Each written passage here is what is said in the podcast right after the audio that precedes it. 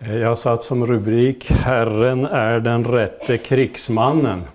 Och det är en gammal översättning av Andra Mosebok 15 och 3. Herren är den rätte krigsmannen. Och vi ska ta upp två saker idag som är svåra att förstå för oss vanliga bibelläsare och som också har fått trons fiender att anklaga Gud för att vara en grym och omoralisk tyrann. Och det är folkmordet som skedde under Josuas ledning när Israel intog Kanans land. Och så är det hämndesalmerna, särskilt då psalm 137, som är en saligprisning till de som får döda barnen i Babel. Evolutionister som Richard Dawkins har länge anklagat Bibelns Gud för att vara en blodtörstig tyrann, bland annat på grund av de här ställena. Varför vi tar upp det här nu, det är, att, det är därför att islamistisk eh, terrorism har fått att man har börjat observera eller hålla koll på religiös radikalisering. Så I vårt land är det ju inte riktigt politiskt korrekt med att kritisera islam. Det kallas islamofobi. Och då blir man beskylld också för, kan bli beskylld för hets mot folkgrupp. Däremot verkar det vara politiskt korrekt att säga att religiös radikalisering det är en riskfaktor för terrorism.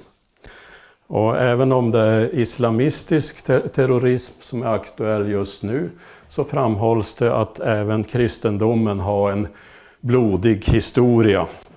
Och man nämner då korstågen och inkvisitionen för att inte tala om allt våld som Gamla testamentets Gud befallt. Och slutsatsen blir att all religion får samma resultat när anhängarna radikaliseras. Då blir följden intolerans med, med risk för förtryck av oliktänkande.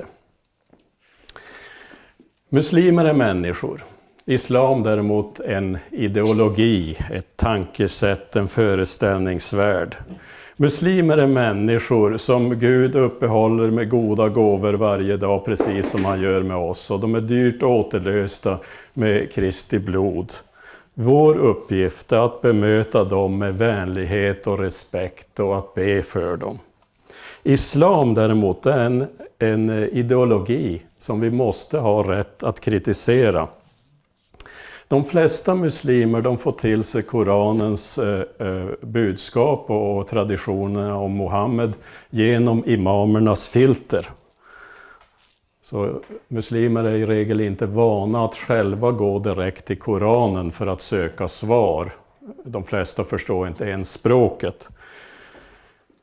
Men med tillgången på internet så ligger nu Koranen och traditionerna, sunna, öppet sökbara för alla i översättning på sunna.com.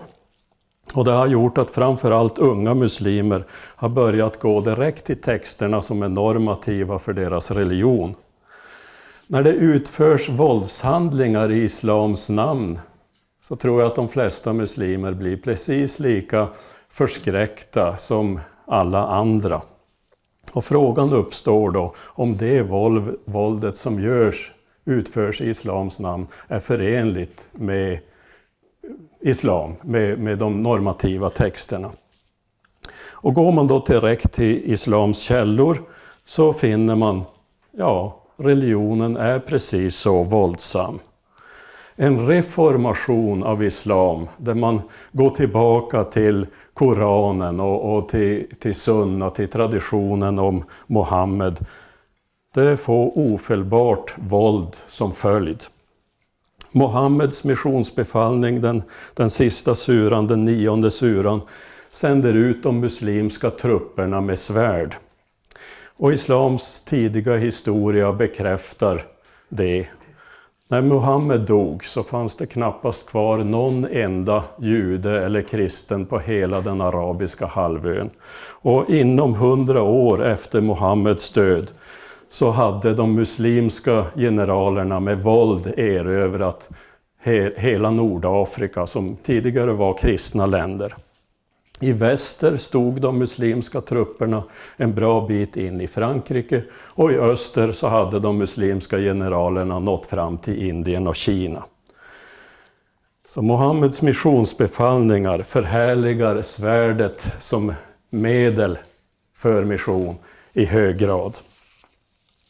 Jämför det här med Jesus som sänder ut sina trupper utan annat vapen, utan annat verktyg än evangeliet i ord och sakrament. Under de första tre århundradena så spreds kristendomen med evangeliets kraft trots yttre förföljelse. Så de första kristna, eh, de utövade inte våld, de led våld. Fram till dess att kristendomen blev statsreligion så utkämpades inte en enda väpnad kamp i kristendomens namn. Jesus är vår förebild och han är radikal på sitt sätt. Eh, han har lärt oss att inte ens försvara oss själva. Vem av oss vill gå in på den utmaningen? Om någon slår dig på ena kinden, vänd då den andra kinden till. Om någon tar ifrån dig manteln, så låt honom ta tunikan också. Och i ett semane fick Petrus lära sig att sticka svärdet i skidan, alltså att inte ta till vapen. Jesus gjorde inget försök till att försvara sig själv, men han visade omsorg om de sina och bad för dem. Från korset bad han att Gud skulle förlåta dem som korsfäste honom. I Jesu efterföljd så bad Stefanus om samma sak när han blev stenad. Jesus har lärt oss att älska våra fiender och be för dem. Så det finns inget utrymme för den nytestamentliga kyrkan att ta på sig Josuas uppgift att med svärd verkställa Guds straff över obotfärdiga syndare. Det är lätt att ge svar på eh, argumenten om korstågen och inkvisitionen. När påven Urban II manade till korståg mot de muslimska trupperna då ska vi komma ihåg att de redan med militär makt hade erövrat två tredjedelar av den kristna världen. Så i grunden så var korstågen försvarskrig. Men påvens maning till krig skedde ju inte på Bibelns grund. Utan tvärt vad Bibeln lär om kyrkans uppgift och biskoparnas makt. Det är ju statens uppgift att säkra medborgarnas trygghet mot våld och övergrepp. Och Urban II hade heller inget mandat att lova avlat och himmelriket åt alla som dog i korstågen. Det var ju någonting som kaliferna motiverade de muslimska trupperna med, helt i enlighet med Koranen och Sunna. Och när kaliferna manade till jihad, alltså ett religiöst krig som gick ut på att utvidga det geografiska område där islam dominerade, eller att sprida terror bland otrogna, ja då skedde det helt i enlighet med Koranen och Sunna. Och det är ju samma sak med inkvisitionen. Den nytestamentliga kyrkan kan utesluta uppenbara syndare från nådemedlen men inte fängsla, tortera och avrätta dem. Så det enda vi kan säga när kyrkan gör sånt, förföljer, torterar, fängslar, avrättar oliktänkande, det är att det sker inte på Bibelns grund utan tvärt vad Bibeln lär. Men vi måste också kunna ge svar på argumentet att Gud är en grym Gud med hänvisning till folkmordet som Josua utförde. Och att det skedde på Guds befallning, det är ju helt klart. Befallningen var den här. Men i de städer som tillhör dessa folk som Herren din Gud ger dig till arvedel ska du inte låta något som andas få leva. Du ska ge dem till spillo, hetiterna och amoreerna, kananéerna och periseerna, hivéerna och jebusiterna, så som Herren din Gud har befallt dig. Och det här läser vi i femte Mosebok 20 kapitel 16 och 17. Och egentligen så är det här ett undantag från de vanliga krigslagarna. Och Josuas tjänst sammanfattas så här i Josuas tionde kapitel. Så erövrade Josua hela landet, bergsbygden, Negev, låglandet och bergsluttningarna och slog alla kungar där, ingen lät han komma undan. Han gav till spillo allt som andades, så som Herren Israels Gud hade befallt. Josua slog allt som fanns mellan Kaders Barnea och Gaza, liksom hela landet Gosen ända till Gibeon. Alla dessa kungar och deras land intog Josua på en gång, till Herren Israels Gud stred för Israel. Och I de här texterna så stöter vi på begreppet tillspillogivning. Och det är en teknisk term som innebär att något eller någon tillhör Herren och inte får användas till något annat än att dödas eller förstöras. Och i det land som Josua intog var allt levande till spillogivet. Allt som andades skulle dödas. Män, kvinnor, barn och djur. Och det här ger ju upphov till frågor. Var det moraliskt riktigt av Gud att ge en sån befallning? Var det moraliskt riktigt av Josua att lyda en sån befallning? Ja, eh, Josua kallas Herrens tjänare, så Bibeln ger ett entydigt svar. Bibeln ger honom ett positivt vitsord. Israel tjänade Herren så länge Josua levde och så länge de äldste levde, det som var kvar efter Josua och som visste om alla de gärningar som Herren hade gjort för Israel. Så hur ska vi förstå det? Ja, för att förstå det så tror jag att vi måste göra en översikt över hela Herrens krig från början till slut. Och så sätta in oss själva också som stridande part i rätt sammanhang. För vi är stridande part. Krig och död kom in i skapelsen som följd av människans synd. När skapelsen blev fullbordad så rådde fullkomlig fred. Det heter i skapelseberättelsen, Gud såg allt som han hade gjort och se det var mycket gott. Bibeln talar kortfattat om ett syndafall bland änglarna.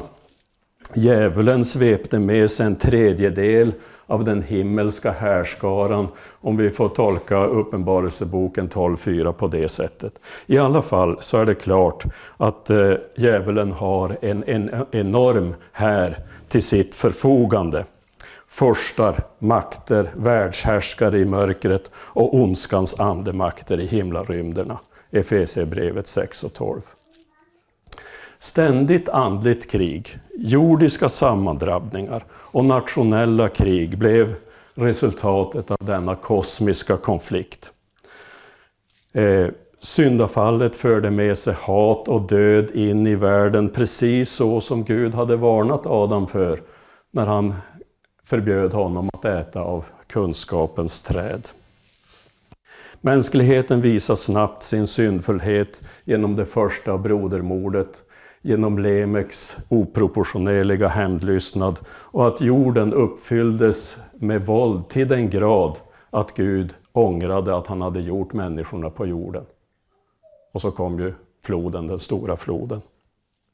Så människan är av naturen, det är människans konfliktområden. Människan är av naturen fientlig mot Gud. Och människan är också benägen till konflikt med sina medmänniskor. Individ, individer emellan, folk mot folk. Och konflikter kommer att blossa upp syndfulla människor emellan så länge vi lever här i världen där djävulen verkar. Det sägs till och med på ett ställe att hela världen är i den ondes våld och djävulen är en mördare från början. Han är alla mördares fader och fortsätter att ständigt föda våld och hat. Kristus har förutsagt, förutsagt att vi kommer att höra stridslarm och rykten om krig ända fram till den yttersta dagen. Och Jesus säger att sådant måste hända. Matteus 24 och 6. Sådant måste hända. Krigen kommer inte att upphöra förrän Jesus kommer tillbaka i härlighet för att slutligen kasta djävulen som förlett människorna i sjön av eld och svavel. Herrens krig innebär frälsning för Guds utvalda folk. För det jordiska Israels skull så förde Gud nationella krig under en begränsad tid i världshistorien. Och det skedde för att det skulle finnas ett folk, ett land och en plats för frälsarens födelse. Men Gud vann det andliga kriget till frälsning för både gamla och nya testamentets folk genom Jesu död på korset och hans uppståndelse på tredje dagen. Utan Herrens krig så vore hela mänskligheten dömd till en evig död i helvetet. Herrens krig gjorde det möjligt för Israel att ärva landet där frälsaren skulle födas. Och Kristi seger på korset har öppnat himmelen för oss för att vi ska ärva de nya himlar och den nya jord som Gud ska skapa, där rättfärdighet bor. Direkt efter syndafallet så agerade Gud för att förstöra den allians som Satan slutit med Adam och Eva. Krig var nödvändigt för att återlösa den syndfulla mänskligheten. För att försona den syndfulla mänskligheten med sig själv var det nödvändigt att etablera ett tillstånd av öppen och permanent fiendskap mellan ormen och kvinnan och mellan ormens avkomma och hennes avkomma. Gud sa, jag ska sätta fiendskap mellan dig och kvinnan och mellan din avkomma och hennes avkomma. Han ska krossa ditt huvud och du ska hugga honom i hälen. Och på det sättet förklarade Gud krig. Ett krig som skulle kulminera med Kristi korsfästelse som gjorde djävulens gärningar om intet och som resulterade i att syndare blev förklarade rättfärdiga. Gud satte fiendskap mellan ormen och kvinnan, mellan ormens avkomma och kvinnans avkomma. Kriget skulle alltså involvera hela mänskligheten, men vändpunkten i det blodiga kriget det skulle komma när den specielle kvinnans avkomma skulle krossa ormens huvud, men själv bli huggen i hälen. Och det här är ju ett löfte om Kristus. I Gamla Testamentet framträder han på ett ställe som befälhavaren för Herrens här, som står där med svärdet draget i sin hand. Och i Nya Testamentet så framställs han som ryttaren på den vita hästen som, som drar ut som segerherre för att segra. Och han sitter på hö Guds högra sida för att eh, regera och råda över alla jordiska konflikter och alla andliga krig mot mörkrets makter för att Guds frälsningsplan ska fullbordas. Han är vår fred. Gud beslöt att låta hela fullheten bo i honom och genom honom försona allt med sig själv sedan han skapat frid i kraft av blodet på hans kors. Frid genom honom både på jorden och i himlen. Det första kriget i större skala som skildras i Bibeln, det var när fyra kungar under ledning av Kedorlaomer, kungen i Elam, drog ut mot fem kungar som gjort uppror, och bland dem var kungarna i Sodom och Gomorra. I det kriget togs krigsbyte från Sodom och Gomorra. Och bland andra så, så fördes Abrahams brorson Lot med familj bort och alla deras ägodelar. Gud var med Abraham så att han med 318 av sina mest betrodda män kunde förfölja de fyra kungarna, slå dem och rädda Lot med familj och ta tillbaka allt krigsbyte. Och efter detta så blev Abraham välsignad av Melkisedek, kungen i Salem, som samtidigt var präst åt Gud den högste. Han var kung och präst en förebild till Kristus. Och välsignelsen löd, Välsignad vare Abraham av Gud den högste, skapare av himmel och jord, och välsignad vare Gud den högste som har givit dina fiender i din hand. Och Abraham gav honom tionde av allt. Så Herren förde alltså detta första krig i större skala, som skildras i Bibeln alltså, genom att ge fienderna i Abrahams hand. En annan variant av Herrens krig ser vi i befrielsen av Israels folk ut ur fångenskapen och slaveriet i Egypten. De tio plågorna över Egypten och också det att faraos här dränktes i Röda havet, det var Guds egen attack på folkets fiender. När folket var trängda mellan faraos här och havet så var de nära att ge upp och, och de var beredda att återvända till slaveriet. Men Mose svarade, var inte rädda. Stanna upp och bevittna den frälsning som Herren idag ska ge er. Ty så som ni ser egyptierna idag ska ni aldrig någonsin se dem igen. Herren ska strida för er och ni ska hålla er stilla. Och så fick de se Herrens ängel som gått framför dem placera sig bakom dem. Likaså molnstoden som hade gått framför dem flyttade sig och placerade sig mellan egyptierna och israeliterna så de två herrarna hölls åtskilda. Och så fick de se havet klyvas så att de kunde gå torrskodda igenom. De fick se faraos hela här bli fast mellan de väldiga vattenmassorna för Gud lät hjulen på deras vagnar falla av. Och sen återvände vattenmassorna. Gud förde själv kriget och efter detta sjöng, Herre, sjöng Mose Herren är den rätte krigsmannen, Herren är hans namn. Andra Mosebok 15 och 3. Josuas erövring av Kanans land visar flera tecken på att det är Herrens krig.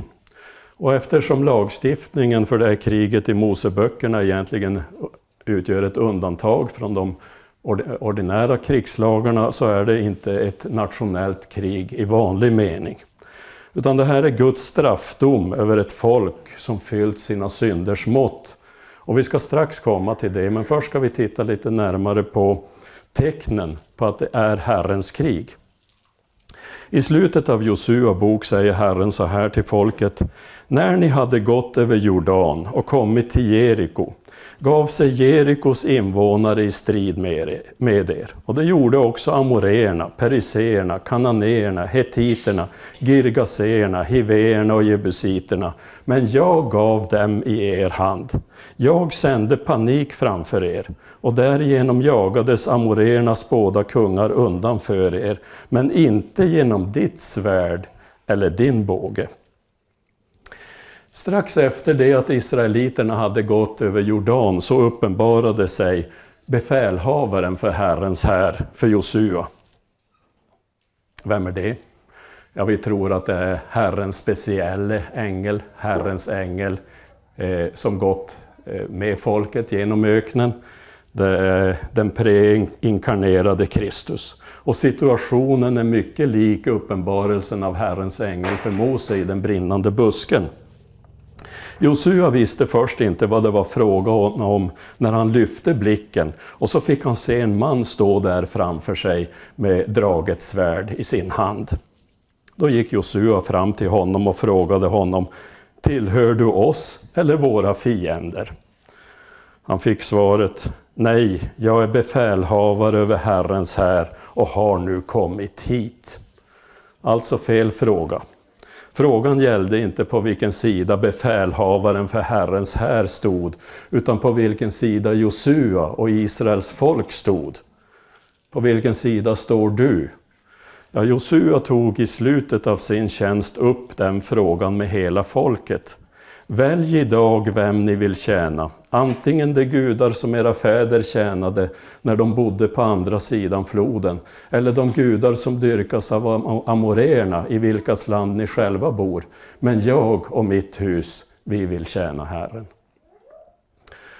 Och sedan befälhavaren för Herrens här presenterat sig så föll Josua ner till jorden på sitt ansikte, tillbad och sa till honom vad har min herre för budskap till sin tjänare? Befälhavaren över Herrens här sa då till Josua, tag skon, skorna av dina fötter, till platsen där du står är helig. Och Josua gjorde så. Sedan visade det sig att befälhavaren över Herrens här verkligen förde befälet över Herren. Inför varje sammandrabbning så stärkte han Josua med sina löften och han angav också taktiken, hur och i vilken ordning de skulle tåga runt Jeriko, hur de skulle lägga sig i bakhåll för att inta Ai, att de skulle skära hälsenorna av fiendernas hästar och bränna deras vagnar. Befälhavaren mönstrade själva naturen som stridande part. Han stoppade Jordans flöde så att hären kunde komma över. Han lät hagelstenar falla över de fem amoreiska kungarna som hade dragit upp mot gibeoniterna. Och i samma veva så lät han solen och månen stå stilla till dess folket hade tagit hämnd på sina fiender. Så det blev uppenbart att detta var Herrens krig. Vi har sett hur Gud förklarar krig mot djävulen och hans anhang och hur Gud för krig till sitt folks frälsning. Men det finns också en annan sida av Herrens krig som blir särskilt uppenbar med Josuas erövring av Kanans land. Och det är Herrens krig som ett rättvist och välförtjänt straff över människors synd. Berättigade krig är Guds sätt att straffa de som gör det onda. Det här är någonting som människor har svårt att acceptera. Det beror på att vi är syndare. Och som syndare så tycker vi inte, det är vår grundinställning, som syndare tycker vi inte att synden behöver straffas, i alla fall inte den egna synden. Och om synden ska straffas så behöver det väl ändå inte bli så strängt och våldsamt. Och många människor inte en, inser inte ens att vissa handlingar faktiskt är avskyvärda i Guds ögon. För att förstå den militära erövringen av kanon så måste vi komma ihåg att Gud är lagens och evangeliets Gud. Han är domens och frälsningens Gud. Han förlåter överträdelse, synd och skuld men han straffar oförlåten synd, alltså sådana synder som människor inte vill erkänna, inte ångra eller lämna. Både dom och nåd är uttryck för Guds rättfärdighet och helighet. Gud är kärlek, 1 Johannes 4.16. Jesu, Guds sons blod renar oss från all synd, 1 Johannes 1 och 7. Om vi bekänner våra synder är han trofast och rättfärdig så att han förlåter oss våra synder och renar oss från all orättfärdighet. 1 Johannes 1 och 9. Men samme Gud säger, om vi fortsätter att synda med vett och vilja efter att ha fått kunskap om sanningen, då finns det inte längre något offer för synderna utan bara en fruktansvärd väntan på domen och en rasande eld som ska förtära motståndarna. Gud hade tålamod med kanonernas synd under lång tid.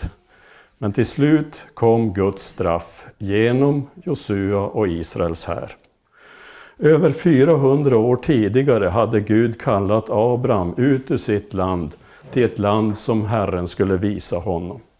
Herren skulle göra honom till ett stort folk, han skulle bli välsignad och han skulle bli till välsignelse. Men väl i landet så fick han närmare besked om att hans efterkommande skulle bo som främlingar i ett land som inte var deras. Och där skulle de bli förtryckta i 430 år. Först därefter skulle de återvända till Kanans land. Och anledningen var att amoreerna ännu inte fyllt sina synders mått. Men Herren slöt förbund med Abraham och gav honom löftet att ge landet till hans efterkommande. Och det här är förbundslöftet. Åt dina efterkommande ska jag ge detta land, från Egyptens land, från, från Egyptens flod ända till den stora floden, floden Eufrat. Keniternas, kenisiternas, kadmonéernas, hetiternas, periseernas, rafaeernas, amoreernas, kananéernas, girgaséernas och jebusiternas land. Abraham byggde altaren och åkallade Herrens namn i Betel. Detsamma gjorde han i Hebron. Likaså åkallade han Herrens namn vid tamarisken i Beersheba. Att åkalla Herrens namn, det innebär att offentligt förkunna Herrens namn, alltså allt vad Herren uppenbarat om sig själv, sina gärningar och sina löften. Invånarna i landet från norr till söder fick veta att Herren hade lovat landet till Abrahams efterkommande. Om de fyllde sina synders mått så var deras dagar räknade till 430 år. Men samtidigt fick de höra nådens ord till alla botfärdiga. löftet att Abrahams speciella avkomling skulle bli till välsignelse för alla folk, ingen undantagen, även det. Vad gjorde de? Omvände de sig? Omvände de sig som den stora staden Nineve när de fick höra Jona budskap? Inte vad vi kan se. Möjligtvis någon enstaka som skökan Rahab eller någon enstaka by eller stad som Gibeoniterna, som Gibeon. Och Gibeoniterna, de blev, för, de blev förresten upptagna i Guds förbund och de blev till och med upphöjda till tjänare i Herrens hus och tjänare vid Herrens altare. Vilka synder gjorde att Gud till slut Eh, förklarade allt levande i Kana för tillspillogivet? Ja, berättelsen om Abraham, Isak och Jakob ger oss vissa ledtrådar. Synden fanns ju redan då, men då var inte deras synders mått fullt. Vid ett tillfälle fick Abraham besök av tre män. Det var Herren och två änglar. Herrens första ärende det var att lova Isaks födelse. Herrens andra ärende var att avslöja för Abraham vad han tänkte göra med Sodom och Gomorra. Ropet över stan hade nått Herren och deras synd var mycket stor. Och Herren hade tänkt fördärva staden. Abraham bad för staden och utverkade att om det fanns tio rättfärdiga där så skulle Herren skona staden för de tio rättfärdiga skull. Herren sände de två änglarna för att fördärva staden. När de kom till stadsporten så mötte de Lot som satt där. Änglarna hade tänkt stanna på gatan över natten, men Lot övertalade dem, övertalade dem verkligen att komma och stanna som gäster i hans hus. På kvällen omringades huset av alla män i Sodom, både gamla och unga, ingen, ingen undantagen. Alltså lägg märke till det. Alla män i Sodom, både gamla och unga, ingen undantagen. Och de krävde att Lot skulle utlämna sina gäster till en homosexuell gruppvåldtäkt.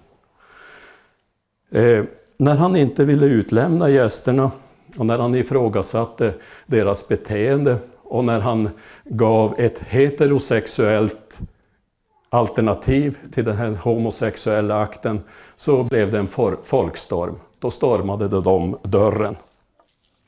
Änglarna drog in Lot och så slog de stadens invånare med blindhet så att de inte kunde finna dörren.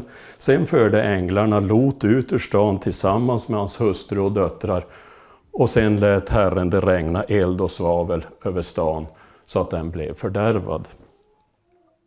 Och beteendet hos Sodoms invånare verkar för oss fullständigt rubbat. Men det kan finnas en religiös förklaring till rubbat beteende. Det finns inga tecken på att kananéernas gudar ställde några som helst moraliska krav på folket. Höguden El framställs som en våldsam gud men avlägsen. Hans gemål Astarte eller Aseran var mer närvarande och hon framställs om, omväxlande som en jungfru eller en prostituerad. Den viktigaste guden var ett av deras barn, Baal. Det var stormguden som talade i åskan. Han kontrollerar regnet och därför också växtligheten. Regnet betraktades som hans sädesuttömning över landet som gjorde det landet fruktbart, marken fruktbar. Och religionsutövningen den gick till stora delar ut på att stimulera honom till det med allehanda sexuella aktiviteter. Och man kan tänka sig att den homosexuella gruppvåldtäkten som inne, inne, involverar alla män i Sodom eh, var religiöst motiverad. Och ett annat spår ser vi i berättelsen om hur Lots döttrar skaffade sig barn genom sin far, genom, med, med sin far genom incest. Så de super honom helt enkelt full så att han inte kan kontrollera sig.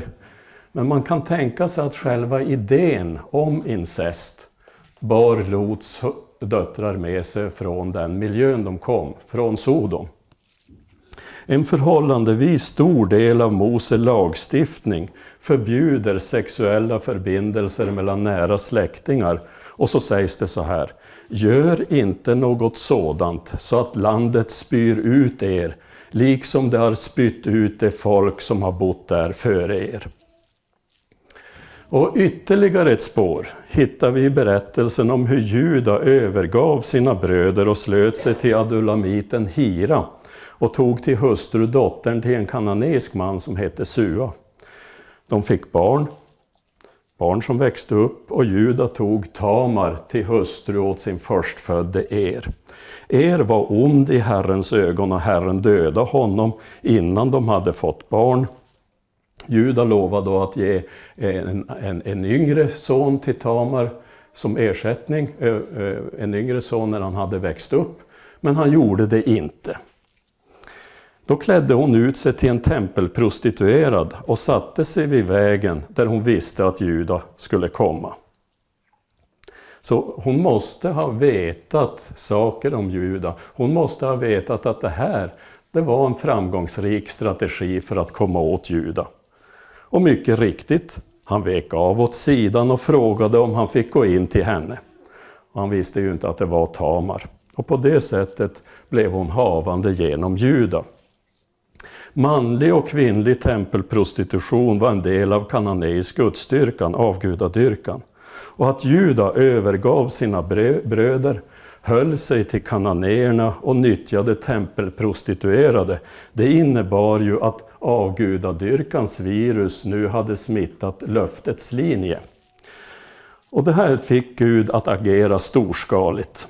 Och när han var klar så var hela Jakobs familj isolerade, både från kananéer och från egyptier, som fåraherdar i landet Gosen i Egypten.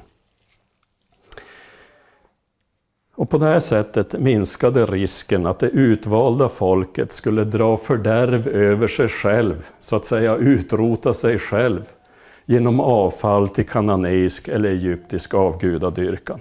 Så Gud gjorde allt för att bevara folket från sin egen galenskap, för att uppfylla löftet till Abraham om avkomlingen som skulle bli till välsignelse för alla folk. Och smittorisken det blev också sen en av anledningarna till att befälhavaren för Herrens här senare själv ledde utrotningskriget mot kananéerna. Det heter i krigslagarna men i de städer som tillhör dessa folk som Herren din Gud ger dig till arvedel ska du inte låta något som andas få leva. Du ska ge dem till spillo, hetiterna och amoreerna, kananéerna, periseerna, hivéerna och jebusiterna, så som Herren din Gud har befallt dig, för att det inte ska lära er att bedriva alla de vedervärdigheter som de själva har bedrivit till sina gudars ära och så komma er att synda mot Herren, er Gud. 400 år senare så hade amoréerna fyllt sina synders mått. Och de visste mycket väl vad det innebar när Herren räddade Israels folk ut ur Egypten för att sätta kurs på Kana. Nu kom de för att ta deras land i besittning och verkställa det straff som Gud hade varnat för. Abraham hade ju förkunnat för dem att Gud gett landet till hans avkomlingar och varnat dem för att fylla sina synders mått. Men de förhärdade sitt hjärta. Så det var bara skökan Rahab och befolkningen i Gibeon som sökte Herren, de andra sökte strid.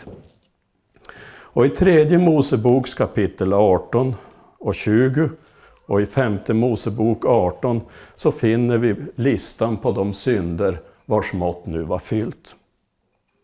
Och tredje Mosebok 18 börjar med att förbjuda incest, alltså sexuella förbindelser mellan nära släktingar. Och så fortsätter sen så här. Du ska inte offra någon av dina avkomlingar åt Molok. Du ska inte ohelga Herren din Guds namn, jag är Herren.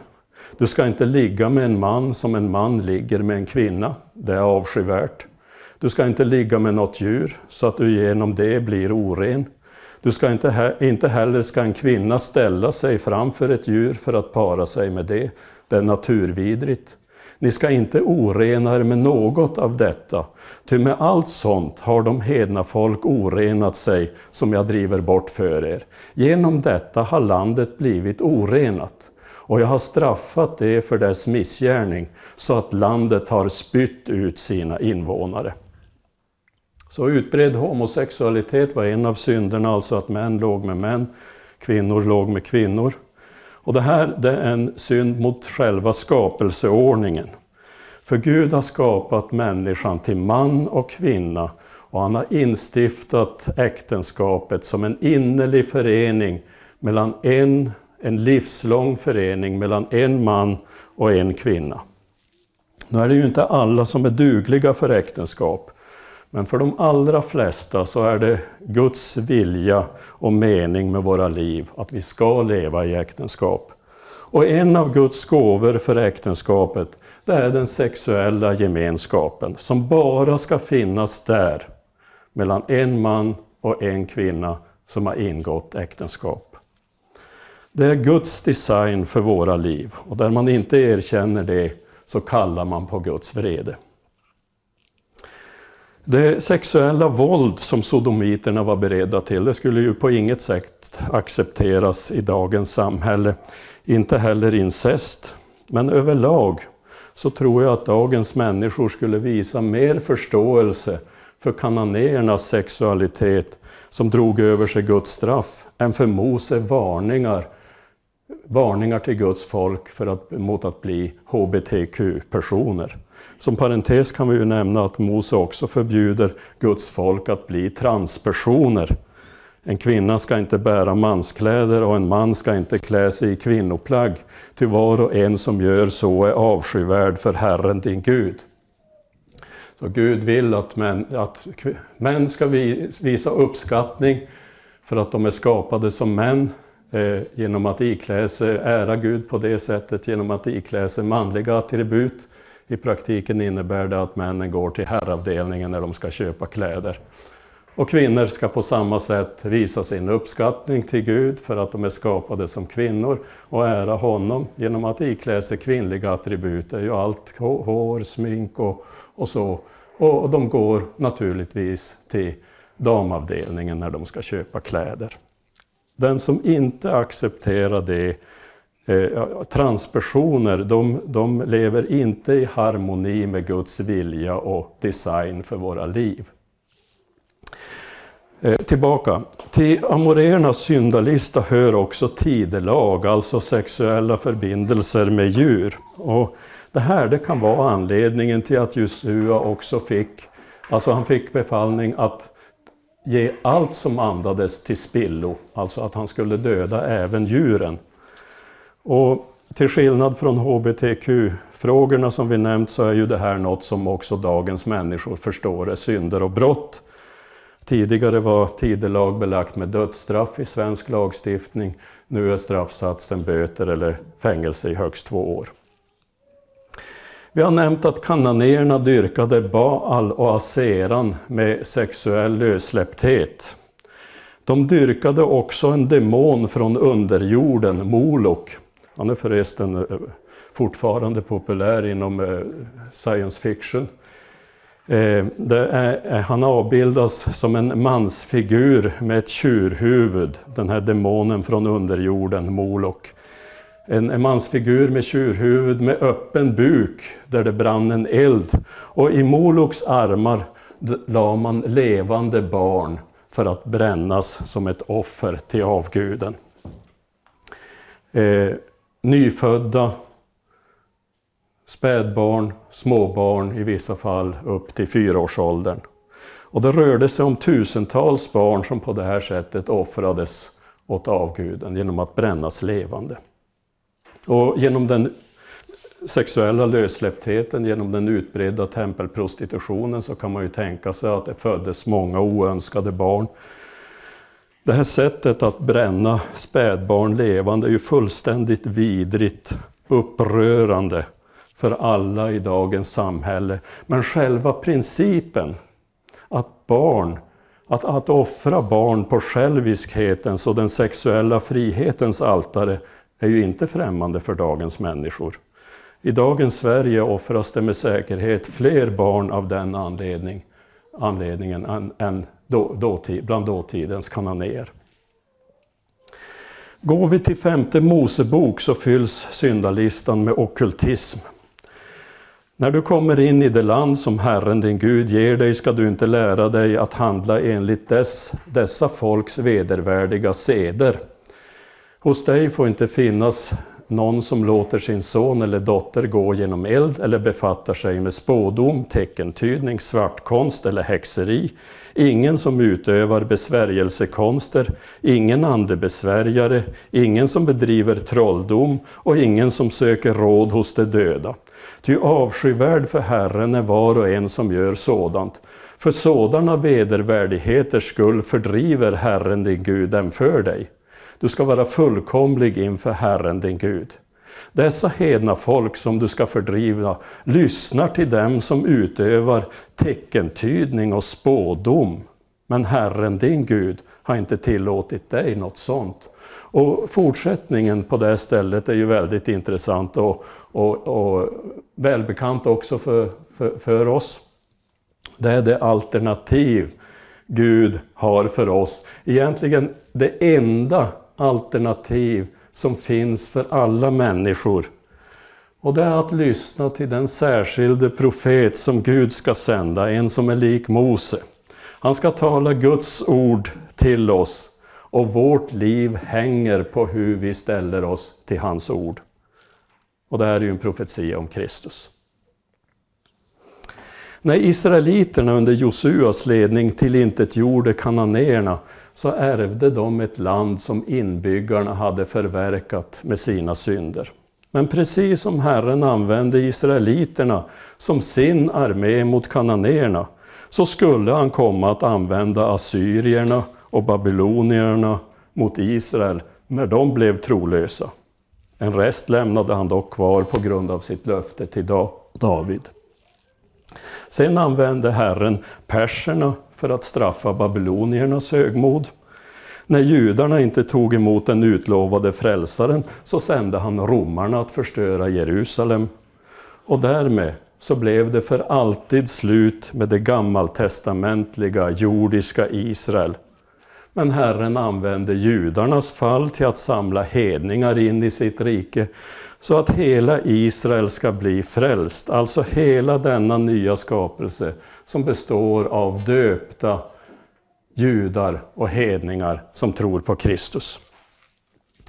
Det avgörande slaget i här, den här långa krigshistorien som började när Satan ingick allians med människorna, det vanns i och med Kristi ställföreträdande död på korset som gottgjorde för hela världens synd och uppror mot Gud. När han låg i graven så verkade det, det som om Satan, som hade invaderat Judas, som om Satan hade vunnit till slut. Men på tredje dagen gick Jesus triumferande ut ur sin grav. Så paradoxalt nog så vann han hela kriget genom sin död på korset. Det heter i, i Kolosserbrevet, han avväpnade härskarna och makterna och gjorde dem till allmänt åtlöje när han triumferade över dem på korset. Guds son uppenbarades för att göra djävulens gärningar om intet. Jesus är den starkare som kommit för att binda den starke och plundra hans hus genom att befria människor som djävulen hållit i fångenskap. Jesus seger på korset innebar inte på något sätt att striden var över för kyrkan. Istället ledde Jesu uppståndelse och himmelsfärd till en ännu intensivare andlig kamp för kyrkan. Kristi upphöjelse innebar att en strid utbröt i himlen. Den skildras ju i Uppenbarelseboken 12. Och resultatet av denna strid blev att djävulen och hans änglar kastades ner på jorden. Så i, under Nya Testamentets tid så kan inte djävulen komma och anklaga de utvalda inför Gud så som han kunde under Gamla Testamentets tid som, som Jobs bok och Sakarja bok vittnar om. När djävulen såg att han inte kunde övervinna Mikael och hans änglar, han kunde inte tillintetgöra kyrkan, Han kunde inte längre anklaga de utvalda inför Gud. Ja, då bytte han helt och hållet taktik. Under hela den nytestamentliga tiden så för djävulen och hans onda andar ett ursinnigt krig mot var och en av de troende, personligt och individuellt, för att om möjligt få någon med sig i sitt fall. Det heter i sitt raseri mot kvinnan, alltså mot Kristi kyrka, gick draken bort för att strida mot hennes övriga barn, dem som lyder Guds bud och håller fast vid Jesu vittnesbörd. Och vilka är det? Ja, det är ju vi som tror på Kristus. Det är i den här fasen av kriget som vi är inne i nu. Draken går till attack mot var och en som tror på Jesus. All krigsretorik som Nya Testamentet använder om de troende och kyrkan har enbart en andlig innebörd. När Jesus sände ut de 72 lärjungarna så var det inte för att döda allt levande eller förstöra städer, utan de skulle predika att himmelriket är nära och de skulle bota sjuka, uppväcka döda, göra spetälska rena och driva ut onda andar. Och det här, det var en effektiv andlig krigsföring. För när de förkunnade evangeliet så såg Jesus Satan falla från himmelen som en blixt. Och det är enbart i andlig mening som Nya Testamentet använder krigstermer. Som exempelvis när vi manas att ta på oss hela Guds vapenrustning. Jag såg förresten här ute folk som var klädda i badbyxor och, och, och bikini och då tänkte jag, eh, det här är ju det här är ju inte en vapenrustning, men det är ju folk som ändå kan vara i, iklädda hela Guds vapenrustning, för den är av andlig natur, den är inte av yttre natur. Så eh, vårt krig, det är mot Satan, mot synd och mot den ogudaktiga världen som vill få oss på fall. Och segern har vi i Kristus som redan har besegrat denna oheliga treenighet. Det heter, i allt detta vinner vi en överväldigande seger genom honom som har älskat oss. Men nu är striden inte så andlig att den inte involverar våra kroppar som är den helige Andes tempel, skapade till att göra goda gärningar. Och den helige Andes tempel får vi inte förstöra genom att ställa våra kroppar i syndens tjänst. Paulus skriver, vet ni inte att ni är Guds tempel och att Guds ande bor i er? Om någon fördärvar Guds tempel så ska Gud fördärva honom. Guds tempel är heligt och det templet är ni. Men striden är andlig. Och andens svärd som vi manas att föra är ju inte ett svärd av stål. För vi kämpar inte mot kött och blod utan mot förstar, mot makter, mot världshärskarna här i mörkret och mot ondskans andemakter i himlarymderna. Som vi hört så faller Satan från himmelen som en blixt när evangeliet förkunnas. Genom evangelium, jord och sakrament så räddas människor från undergång och utrustas för kamp, för strid mot ondskans makter, synden inom oss. Så det här är ett flerfrontskrig kan man säga. Fronten går också inom oss. Eh, köttet strider mot anden, anden strider mot köttet. Och mot djävulen och världen utom oss som försöker få oss på fall. Och det är nödvändigt för alla kristna att ta avstånd från sådana synder som motsvarar kananéernas avskyvärdheter, avgudadyrkan, otukt, homosexualitet, abort, okultism och annat sånt. När sådana avskyvärdheter tränger in i kyrkan så ska det utrotas, men med andliga medel. Tillrättavisning om nödvändigt genom exkommunikation. Så bindenyckeln det är den, ny, den nytestamentliga medel som närmast motsvarar tillspillogivningen i Gamla testamentet. Jesus sa till sina lärjungar, frid vare med er, som Fadern har sänt mig sänder jag er. Och sedan han sagt detta andades han på dem och sa, tag emot den helige Ande. Om ni förlåter någon hans synder så är det förlåtna om ni binder någon i hans synder så är han bunden. Så den gudomliga befallningen att döda och förstöra, den gavs till Josua och Gamla testamentets Israel. Nya testamentets kyrka har inte fått någon befallning att utmäta dödsstraff eller något annat kroppsligt straff för den delen.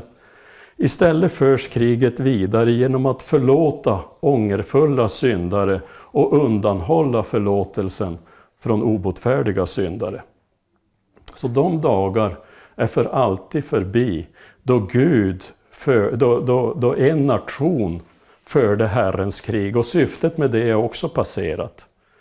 Men alla kristna på jorden utgör tillsammans en sann osynlig kyrka och det är den stridande kyrkan och vapenrustningen är andlig. Kristendomen skiljer sig totalt från islam. Militanta former av islam praktiserar jihad, som är ett religiöst motiverade krigshandlingar i syfte att utvidga det geografiska område där islam dominerar och att sprida terror bland alla som inte erkänner profeten Muhammed. Så jihad skiljer sig totalt från Josuas krig. Befälhavaren för Herrens här förde befälet över Josuas här. Han angav strategin, han deltog genom att mönstra naturkrafterna. Kriget var Guds straffdom över ett folk som under Guds tålamod, under Guds långa tålamod fått tid att omvända sig, men nu fyllt sina synders mått. Och Gud har aldrig gett Josuas uppgift till någon annan. Mohammed, han sände i sin sista sura i, i sitt testamente ut de muslimska trupperna med uppgift att döda. En uppgift som inte har något slut. När muslimer dödar icke-muslimer och andra som de betraktar som otrogna, då begår de mord och visar därmed vilkens andes barn de är. Jesus sa till judarna som ville döda honom, ni har djävulen till er far och vill följa er fars begär. Han har varit en mördare från början. Om hämndesalmerna så ska vi bara kort säga att det är Guds folks önskan som är i harmoni med Guds vilja och gärning.